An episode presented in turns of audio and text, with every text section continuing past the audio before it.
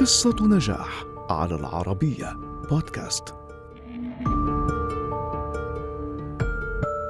نجمة كبيرة بمسيرة حافلة جسدت خلالها العديد من الشخصيات الكوميدية وصفق لها الجمهور طويلا أمام الشاشات لكنها كانت بين الفنانات الأكثر شعبية والأقل حظا على منصات التتويج لولا أن الحظ قرر أن يبتسم لها أخيرا. إنها جينيفر كوليدج التي اقترن اسمها مؤخرا بأهم الجوائز الفنية خلال العامين الأخيرين.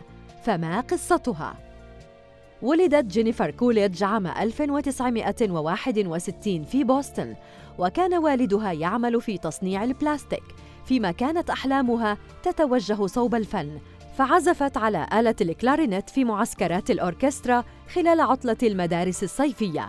ثم درست المسرح وحصلت فيه على درجة البكالوريوس ثم انضمت إلى فريق مسرح غوثام سيتي قبل أن تنتقل إلى لوس أنجلوس وتنضم لفرقة The Groundlings للتمثيل الكوميدي.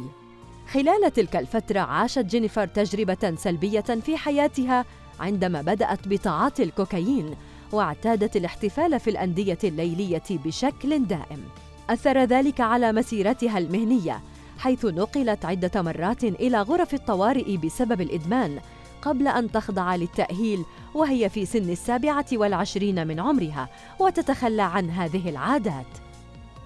في عام 1993 ظهرت كوليدج لأول مرة على شاشة التلفاز كضيفة عرض لمسلسل ساينفيلد ثم قدمت أدوارا خجولة حيث ظهرت كوليدج لأول مرة على الشاشة الكبيرة كممرضة في فيلم Not of This Earth قبل أن تنضم لأسرة مسلسل الكوميديا Fox Saturday Night Special كممثلة وكاتبة في عام 1996 في عام 1999 عرف الجمهور جينيفر من خلال شخصية جينين ستايفلر في فيلم الكوميديا American Pie الذي ظهرت فيه بموسم آخر عام 2002 كما قدمت أداء ناجحا عندما لعبت دور فنية أظافر في نسختي فيلم الكوميديا Legally Blonde و Legally Blonde 2 لكنها نجحت من خلال الشخصيات الكوميدية التي قدمتها بنجاح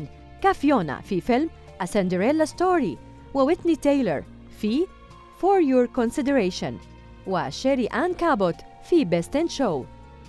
في عام 2021 فاجأت جينيفر جمهورها عندما تركت الكوميديا جانباً وظهرت بشخصية الأم القلقة في فيلم Promising Young Woman. لكن المفاجأة الأكبر عندما بدأت تحصد ثمار نجاحاتها بعد أن ظهرت في فيلم الدراما والكوميديا White Lotus و White Lotus 2 وحققت نجاحا كبيرا وبدأت تقطف ثمار سنوات طويلة من العمل. خلال العامين الماضيين تلقت جينيفر إشادات واسعة وحصلت على عدد كبير من الجوائز التي لم تحققها من قبل.